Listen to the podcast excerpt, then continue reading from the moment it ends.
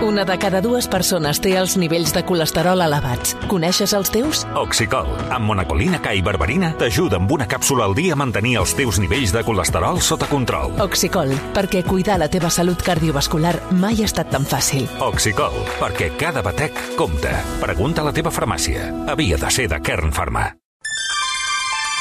De seguida una veu que enamora, deia la doctora Bou, li ha dit ara, que està aquí fora, la Marina Tosset, eh, li deia, tens una veu meravellosa. Quan hem posat i l'escoltada que doctora Bou aquest matí, té una veu fantàstica. Una veu increïble, fa posar la pell de gallina. Increïble. Doncs ara de seguida parlarem amb ella, però abans tenim aquí la Mònica Usart també. Hola, Mònica, bon dia. Hola. Ah, Avui parlarem de... És evident que estem a portes de l'estiu. Sí. Aviam, una pregunta. Avui, en general, a Catalunya, el dia és tapadot? Sí. En general, eh? Tapadot, és aquest canvi de temps que dèiem, de, que passaríem d'aquests dies que hem tingut de sol i de calor, doncs a aquests dies eh, de cel més ennuvolat i fins i tot amb algunes pluges. De fet, ara mateix ha començat a ploure, ho fa cap al Pirineu de Lleida, durant les properes hores anirà més, i darrere seu baixen les temperatures i tindrem un parell de dies de treva, que tornarem a la primavera una altra vegada, però a partir de diumenge a dilluns tornen a pujar una altra vegada les temperatures i tindrem un ambient semblant al dels últims dies. Jo, jo deia, et preguntava això, Mònica, del dia tapadot i tal, perquè avui, per, per entendre'ns, doctora, i avui puc sortir al carrer perfectament, i fins i tot podria anar a prendre el sol. Va a prendre el sol no perquè no n'hi ha, per tant, puc estirar-me a la platja perfectament. Avui és el pitjor dia, Jordi. Avui és el pitjor dia perquè per sortir al carrer sense Dius, ara? fotoprotecció. Perquè, és clar, la Mònica ho sap molt bé, els rajos ultraviolats del sol atravessen els núvols i és quan et cremes més sense donar-te en compte, perquè és quan estàs més confiat i te'n refies més i et cremes més. La doctora Boca és una mena de presidenta del club de fans de que plogui, perquè així la gent no va prendre el sol, perquè ella està en contra de que la gent prengui el sol d'una manera radical. Tu estàs molt en contra. I, si, I llavors dius, però com això no ho frenaràs... No, i, i, però perdona, Jordi, jo reconec que la vida sense el sol no existiria. És a dir, I que és un d'alegria per molta gent. necessitem el sol, però d'una manera racional. El que no és racional és fregir-se allà com un llagostí a la platja o voler-se posar la pell pigmentada, negra, vermella, cremada... O sigui, això no és racional. Això és dels anys 50 de la, de la Coco Chanel que va voler anar en contra de totes les, les, les, les situacions que hi havia llavors i, i va crear un, un nou estil de vida i perquè fins als anys 50 del segle passat la gent no prenia el sol i estar bronzejat era un signe de de, de, de, de, de l'oclàs, ho dic amb tot el respecte, Sí, sí, eh? Vull sí, dir, de, sí, de sí. menestral, de que havien de treballar, de que, era, de que, de, de que estaven al carrer. En canvi, tota la gent que, que, que, es considerava eh, de, doncs, senyora i que no treballava i estava a casa i tot això, sempre anaven blanques, amb l'ombrela, tot el que vulguis. Doncs no prenc el sol. No, és clar. No, llavors farem, farem uh, uva.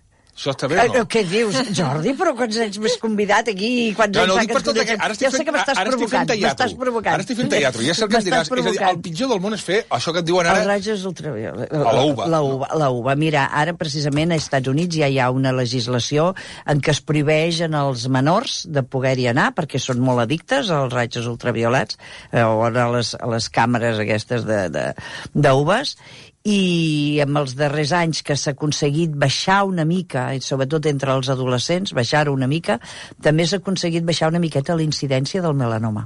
O sigui que és molt important. I la relació és molt clara. Per molt que els propietaris dels negocis diguin que no, que és una cosa que no fa mal. Fa mal. No és bo. És desaconsellable. Val. Més clar no ho puc dir. No. Uh, L'Oriol ja fa una pregunta que és com sabem el factor de protecció que ens hem de posar? Perquè és evident que tots tenim un tipus de pell Sí. diferent dels altres. Mira, és relativament fàcil, fins i tot per un que no sigui ni metge ni dermatòleg. Hem de dividir els colors entre sis. L'1 és el més clar i el 6 el més fosc, la pell negra. Aleshores, quan més alt tens el teu, el, el teu color de pell, o sigui, les persones negres, pràcticament no necessiten fotoprotecció, perquè el sol els hi fa menys mal. Però tots els que estan pel cantó baix, el, el factor 1 diríem que és les persones albines, les persones que tenen ja problemes amb, amb la, amb la eh, se- amb secretar la melanina, és a dir, el pigment de la pell, podríem dir que és un tipus 2, tu, tu i jo, per exemple, seríem un tipus 2. Dos. Tu, sí, jo tinc els ulls més foscos que tu, tu els tens més clars, per tant, tu encara tens més risc que jo. Ah, sí? Clar, els ulls clars, el cabell clar i la pell clara són mm, més risc. més risc de que els rajos ultraviolats et facin més mal a la pell.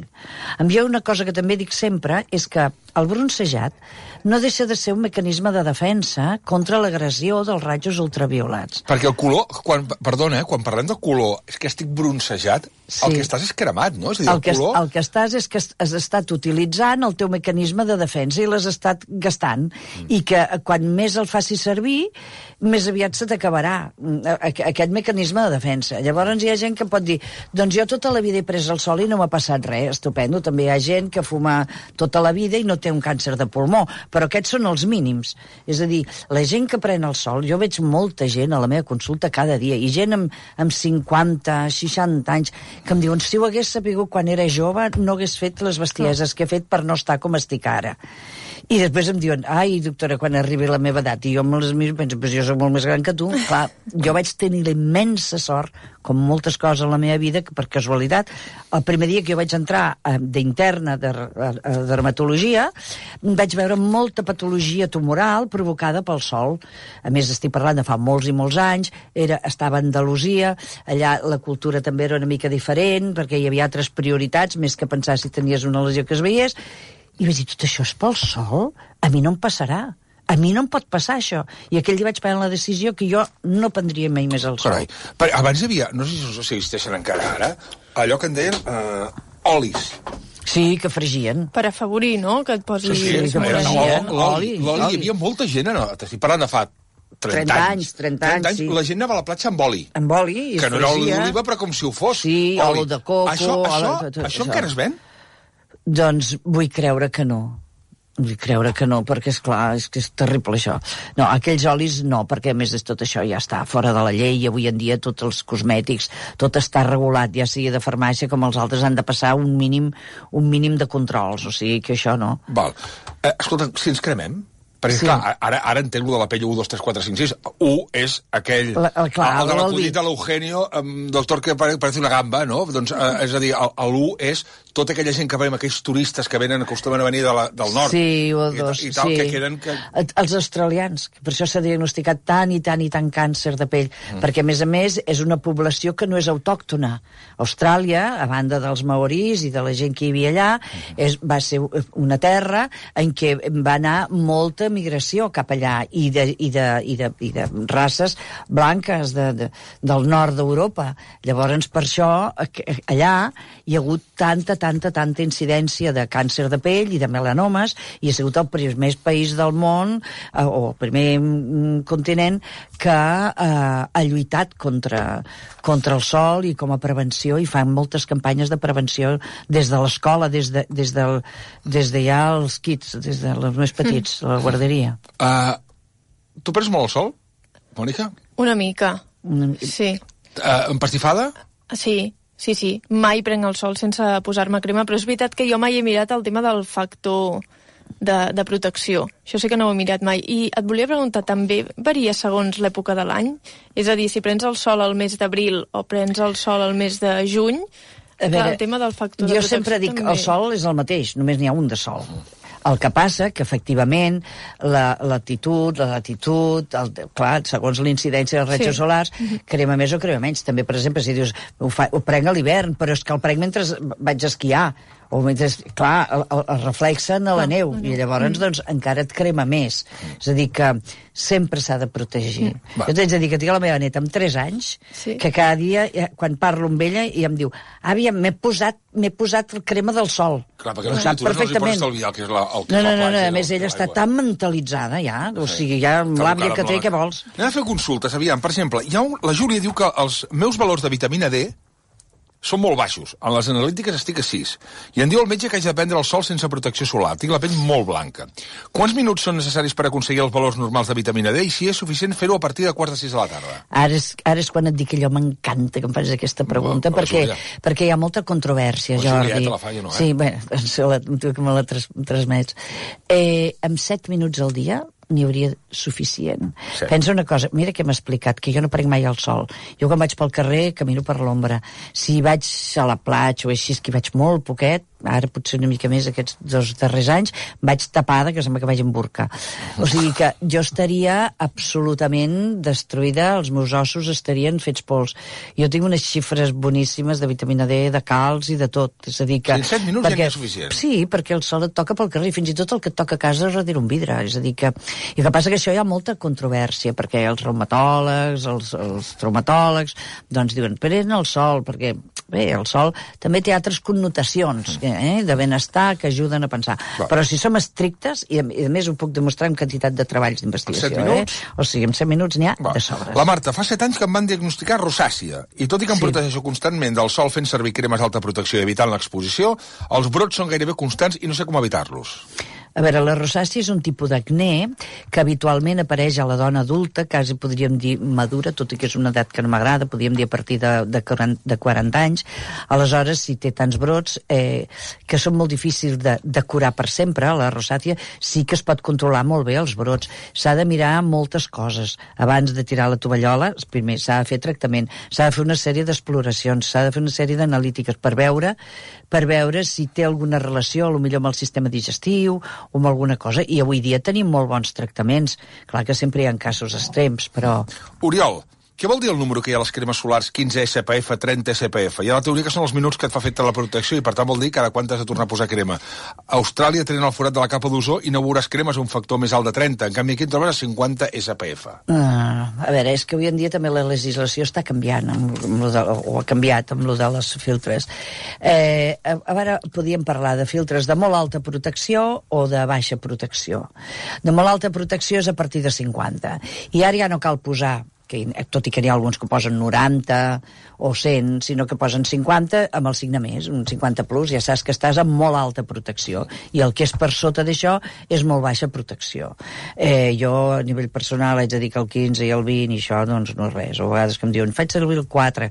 Aquests, evidentment, ni en farmàcia ni això ja no els tenen. I, i dic, 4 Tu és com 50, si res. eh? El normal 50 50. plus, sí, sí, 50 més. 50 o sigui, plus. Sí, que és el màxim, perquè total no existeix. Per molt que diguem total, el més alt que hi ha és el, el, el fotoprotector, la, la pantalla, que és el físic, perquè n'hi ha de dos tipus de fotoprotectors, podríem dir genèricament, el físic i el químic. El físic és el que et fa de pantalla, és a dir, tu et poses una crema que et, impedeix totalment que el, o quasi, quasi totalment, que els rajos incideixin a la teva pell. I si tens els químics que el que fan és que arriben a la pell i llavors com si rebotessin per, entens, per entendre'ns. Aleshores, el, els nens menors de dos anys mm. Només poden fer servir filtres físics. D'acord. Mm? Ara hi ha també la legislació que està a punt de sortir que els filtres físics no poden anar amb esprai. Val. Per què? Si allò s'ha acabat l'esprai ja. L'esprai per filtre Per físic, físic, físic, Sí. perquè els químics és, és molt còmode, és molt pràctic, sobretot pel cap, per exemple. Eh? O sigui que... Per què? Perquè com que les molècules són més grans, aleshores pot passar pues, el mateix que diuen dels desodorants, que quan tu poses pots absorbir, els pots respirar i que aleshores, doncs no. I això ja, ara ja, ja està a punt de sortir la Va, llei. anem amb preguntes breus, respostes breus, si Això pot és ser. com un examen, Sí, ara eh? sí vas als exàmens. David, M'estimula. David, cal protecció especial pels tatuatges? Diu, jo faig servir protecció 50. Sí, Sí. molt bé. Tu estàs en I- contra, de, en contra dels tatuatges. No, no estic en contra, és que veig molta patologia del tatuatge. Val. Molta patologia, i sí que diria que qui s'hagi de fer un, patua un tatuatge ara, que opti per no tatuar-se mai de color vermell. Perquè és els que donen més problemes, però problemes... Però- No és que els donguin tots, Però però, un- poden donar. Val, d'acord. poden donar. La Gemma, uh, tinc 53 anys, sóc morena de pell i cabells. La pell de l'escot, hivern i estiu, la tinc vermella encara que no prengui el sol. Em poso protecció 50 i mocadors. Ho puc resoldre? És que l'ha pres. No és que les prengui ara, És és que l'ha pres. Ah. I un dels llocs que més es ressent de, com a conseqüència del sol acumulat al llarg dels anys és el de, el de l'escot. Mm. El que ha de fer... Hi ha tractaments per mirar de millorar, eh? Va. des de factors de creixement, cremes, etc. L'Ingrid, i quan tens pell blanca estil Iniesta, autobroncejador per donar un punt de color, pastanagues, esperar que passi la moda? Pastanagues és una bona idea, tomàquets, fruits vermells a l'estiu. Això és veritat? Sí, ajuden, perquè porta betacarotens, i els carotens protegeixen la pell. I lo de l'autobroncejador és una qüestió de gust. Jo li aconsellaria que se, que s'acostumés a trobar-se guapa amb la pell blanca, però si no pot resistir, que es posi llavors No. un autobroncejador. WhatsApp. Mira, voldria que la doctora ens traiés de dubtes eh, entre la controvèrsia que, hi, que ara últimament s'està sentint entre eh, el que diuen els metges de família, de, de que hem de prendre més al sol, perquè últimament s'ha detectat que estem baixos en vitamina D, Sí, és el, posar la el crema una vegada que arribem a la Sí, platja. està claríssim. Ja, ja es dona per I, bueno, i el que diuen els dermatòlegs, que ells són més conservadors i, i bueno, volen que tinguem més precaucions. No, conservadors no, el que vigilem és molt la salut i, la, i la, sí que la crema s'ha de portar, posar abans de sortir de casa, a no ser que feu com el Jordi, que surt a quarts de sis o a les Sí, sí, cinc, que no passa quina res. hora, Hem- a l'hora no passa res. No cal res, eh, Mònica, tu i jo no, No. ens hem de... Ara, quan sortim d'aquí ens hauríem de posar... al sortir, sí. Si tu creus que la gent que, que sortim d'aquí de la ràdio ens hauríem de posar una mica de... Sí, la majoria dels meus pacients ho fan perquè vaig, vaig fa una, faig una labor de formiga Carai. fa molts anys. En Jordi. La pregunta és, si no prenem el sol, haurem d'estar tota la vida prenent suplements de vitamina D? moltes vegades, encara que el prenguessis, l'has de prendre. Has de prendre, hauries de prendre suplements de vitamina D, perquè avui en dia s'ha vist que és un factor molt important de- d'envelliment, les caren no solament les carències, fins i tot estan dins de la normalitat, quan no estàs en, el, en la xifra òptima dalt de tot, eh, doncs és un dels tractaments de que els savis d'antienvelliment donen vitamina D. La Belén des d'Alemanya. Tinc una nena d'un any amb eczema dèrmica. Aquí tenim molt poc solet i quan surt, doncs, com és lògic, l'hem d'aprofitar. I aquests dies que ha fet molt bo, doncs hem fet molta piscina i l'he posat protecció solar 30. Eh, hem fet bé. Eh, va bé prendre el solet per la sema crònica dèrmica Eh, suposo que estàs parlant de l'eczema tòpic. Eh, jo, una nena tan petita que no té el seu mecanisme de defensa, és a dir, el seu, el seu estat immunològic encara no està del tot desenvolupat, jo la, li posaria un filtre físic, eh, dels que parlàvem abans, un filtre físic jo crec que aniria bé. Mm. Tampoc no et dic que tingués la teva nena tancada al sòtano de casa perquè no li, don, no, no li doni el sol. Vull dir que també les coses una miqueta amb normalitat, és a dir, que, eh, però sí, està bé, però mm, jo, 30 no és res. 30 En no és res. Jordi, mestres. Mira, una consulta. La meva filla té pell atòpica, té 3 anys. Per anar pel carrer, així amb pantalons curts i samarretes, necessita crema solar? Sí. I l'altra consulta, la crema solar ha de ser especial per pell atòpica o amb protecció 50 i antim prou? Avui en dia ja la cosmètica està tan desenvolupada i realment en farmàcies hi ha diferents marques que hi han eh, fotoprotectors molt hidratants per aquests nanos que tenen la pell atòpica, que sempre ja sabem que vol dir un excés de sequedat i que ho passen malament, doncs també mm, jo li diria que busqués un d'aquests. Un altre Belén, en aquest cas a Barcelona.